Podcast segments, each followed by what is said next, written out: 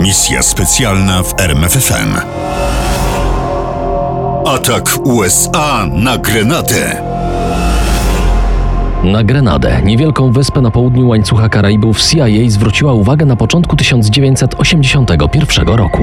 Agenci odkryli, że rząd Grenady pośredniczy w tranzycie broni ze Związku Radzieckiego do Salwadoru. A to bardzo nie spodobało się sekretarzowi obrony Stanów Zjednoczonych Kasparowi Weinbergerowi. Według mnie Grenada zastępuje Związek Radziecki na Karaibach. Mówił Weinberger. Dlatego zażądałem od CIA regularnych raportów na ten temat. Efekt pojawił się nadspodziewanie szybko. Raporty potwierdziły informacje o budowie wielkiego portu lotniczego. Dla nas było jasne, że lotnisko miało być przeznaczone do czegoś więcej niż tylko obsługa ruchu cywilnego. Temat budowy tego lotniska poruszył również prezydent Reagan. Na niewielkiej wyspie Grenadzie Kubańczycy przy radzieckim wsparciu i finansowaniu budują lotnisko. Grenada nie ma sił powietrznych. A więc dla kogo to lotnisko? Pytał retorycznie prezydent. Latem US Navy przeprowadziła w pobliżu wyspy manewry morskie pod kryptonimem Operacja Ocean 81. To miało pokazać Grenadzie, a w gruncie rzeczy Kubańczykom i Moskwie, że Ameryka uważnie przygląda się wyspie. Wyjechał tam nawet pewien kongresmen, niejaki Ron Delum. Po powrocie zdał relację przed kongresem. Na podstawie moich osobistych obserwacji, dyskusji i analizy dochodzę do wniosku, że budowa lotniska ma na celu rozwój gospodarczy, a nie cele wojskowe. Mówił Delum, po czym na zakończenie dodał. Uważam za absurdalne i całkowicie nieuzasadnione oskarżenia o to, że lotnisko to stanowi zagrożenie militarne dla bezpieczeństwa narodowego Stanów Zjednoczonych. Można by uznać tę opinię za wiążącą, gdyby nie fakt, że kongresmen Delum poleciał na wyspę na zaproszenie premiera Grenady, Morisa Bishopa. Kim był Morris Bishop? Przede wszystkim był marksistą i proradzieckim politykiem, który cztery lata wcześniej w wyniku zamachu stanu wprowadził rządy komunistyczne na wyspie. Bishop zawiesił konstytucję, przeciwników politycznych pozamykał w więzieniach i gorąco zaprzyjaźnił się z Fidelem Castro. Czy zatem raport Deluma był obiektywny? Reagan i jego doradcy uznali, że nie i zupełnie się nim nie przejęli. Dlatego z Białego Domu często wychodziły ostrzeżenia o zagrożeniu, jakie dla Stanów Zjednoczonych stwarza radziecko-kubańska militaryzacja Karaibów. Zupełnie inaczej patrzyli na to ich sojusznicy z Londynu. Nasz wywiad sugerował, że Moskwa wykazywała jedynie nieznaczne zainteresowanie wyspą. To rząd Kuby prezentował tu większe zaangażowanie. Pisała Thatcher. Ale prezydent Stanów Zjednoczonych ufał bardziej raportom własnej służby. CIA informuje o wzmożonym zainteresowaniu wyspą zarówno przez Hawanę, jak i Moskwę. To niepokojące. Reagan zwykle za pośrednictwem swoich doradców tłumaczył Amerykanom, że tak długi pas startowy nowego lotniska i liczne zbiorniki paliwa są niepotrzebne dla zwykłych lotów komercyjnych. Natomiast wskazują wyraźnie, że lotnisko będzie kubańsko-radziecką bazą wojskową. Nie mogliśmy pozwolić na powstanie kolejnej radzieckiej bazy na Karaibach. Uważaliśmy, że jedna Kuba to zdecydowanie dość. Tłumaczył Weinberger. To sąsiedztwo radzieckiego satelity Kuby doprowadziło naszym zdaniem do wyolbrzymienia przez Stany Zjednoczone zagrożenia ze strony marksistowskiej Grenady. Oceniała z kolei premier Thatcher. Ale prawdziwe kłopoty zaczęły się, kiedy w połowie października 1983 roku doszło do wspieranego przez Moskwę kolejnego zamachu stanu. Nowy reżim tworzyła zdeprawowana i nieobliczalna w swych działaniach grupa ludzi, głównie dwudziestoparolatków, którzy byli znani z zamiłowania do przemocy i tortur. Pisała premier Wielkiej Brytanii. Przytoczenie słów pani Thatcher jest tu jak najbardziej na miejscu, ponieważ reprezentowała ona rząd jej królewskiej mości Elżbiety II, a właśnie Grenada była jednym z 56 państw wspólnoty brytyjskiej. W rezultacie zamachu premier Bishop został aresztowany, a po tygodniu rozstrzelany. Władza na wyspie przejęło wojsko. Zaczynała się era generała Hudsona Austina, człowieka, który swą siłę zbudował na poparciu Moskwy i Kuby. Wprowadzono trwającą całą dobę godzinę policyjną. Kto pojawiłby się na ulicy, zostałby zastrzelony bez ostrzeżenia. Ten rygor dotyczył wszystkich, nie wyłączając gubernatora Grenady, Paula Skuna. Stany Zjednoczone dostały kolejny pretekst do interwencji. Rząd w Waszyngtonie postanowił go wykorzystać. Na Grenadzie działała Akademia Medyczna, własność amerykańskich inwestorów, w której studiowało około 800 studentów ze Stanów Zjednoczonych. Pisał Weinberger. Musieliśmy rozważyć, jak możemy uratować Amerykanów, żeby nie zrobiono z nich zakładników. A było to bardzo prawdopodobne. Sekretarz obrony Weinberger i cała administracja Reagana dobrze pamiętali uwięzienie obywateli amerykańskich w ambasadzie Stanów Zjednoczonych w Teheranie jesienią 1979 roku. Jak i katastrofa operacji ich uwolnienia Orli Szpon. Nikt nie chciał, żeby ta paskudna historia powtórzyła się na Grenadzie. Potrzeba było aż 400 dni, żeby tych zakładników odzyskać. Tymczasem sytuacja studentów była trudna, o czym donosił raport Departamentu Stanu. Odcięci od świata zewnętrznego i uzależnieni od armii ludowo-rewolucyjnej w kwestii dostaw wody i żywności, a do tego zagrożeni śmiercią, praktycznie już byli zakładnikami. Prezydent nie mógł sobie pozwolić na luksus zwlekania przez tydzień z podjęciem decyzji, zauważył kongresmen Tom Foley. Już trzy dni później, podczas kolejnej gorącej narady w gabinecie owalnym, padło słowo inwazja. Ale ktoś ostrożnie zauważył, że inwazja nie będzie popularna wśród Amerykanów. Ludzie mogą protestować na ulicach. Jestem na to przygotowany. Odpowiedział spokojnie Reagan. Ktoś inny dopowiedział, że atak na Grenadę pewnie wywoła niepokój na Kubie. No i dobrze, niech się denerwują. Potem doradcy przedstawili prezydentowi ogólny zarys operacji. Parę dni wcześniej wypłynął z Norfolk kontyngent piechoty morskiej do Bejrutu. Sugeruję, aby zmienić im trasę i wysłać na Karaiby. Mówił podpułkownik North z Rady Bezpieczeństwa Narodowego. Wówczas do rozmowy wtrącił się sekretarz obrony. Uważam, że powinniśmy wysłać jeszcze na południe grupę uderzeniową z lotniskowcem Independence. Zgoda. Proszę przygotować odpowiednie rozkazy. Kiedy może nastąpić atak? W ciągu 48 godzin. W takim razie atakujcie. Lecz zanim nastąpił atak, kolegium szefów sztabów musiało opracować szczegółowy plan inwazji. Wyznaczono trzy cele.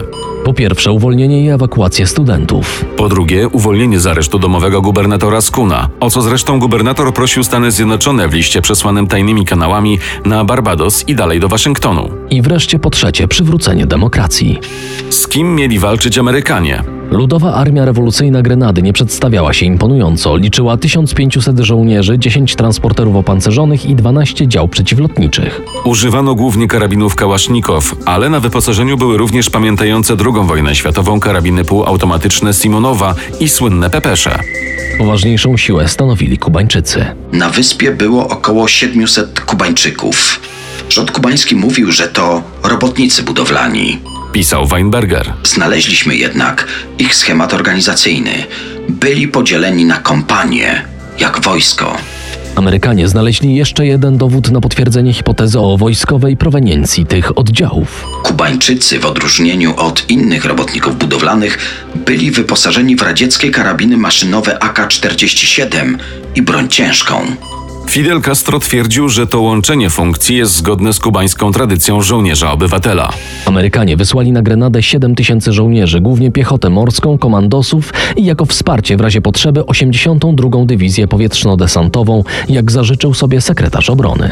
Do tego dochodziły jeszcze trzy setki żołnierzy z Karaibów, między innymi z Jamajki i Barbados oraz flota, lotniskowiec USS Independence, trzy niszczyciele oraz jedna fregata. W niedzielę 23 października plan był gotowy. Operacja Urgent Fury mogła ruszać. W poniedziałek o godzinie 20.36 czasu waszyngtońskiego wystartowały pierwsze samoloty ze spadochroniarzami 75. Pułku Ranger. Jakiś czas później dowiedziała się o tym premier Wielkiej Brytanii. Czułam przerażenie i zawód. W najlepszym razie rząd brytyjski zostanie uznany za bezsilny, w najgorszym wszyscy pomyślą, że zostaliśmy oszukani. Godzinę H wyznaczono na 5 rano 25 października. Ale jak to zwykle bywa, nie wszystko poszło zgodnie z planem.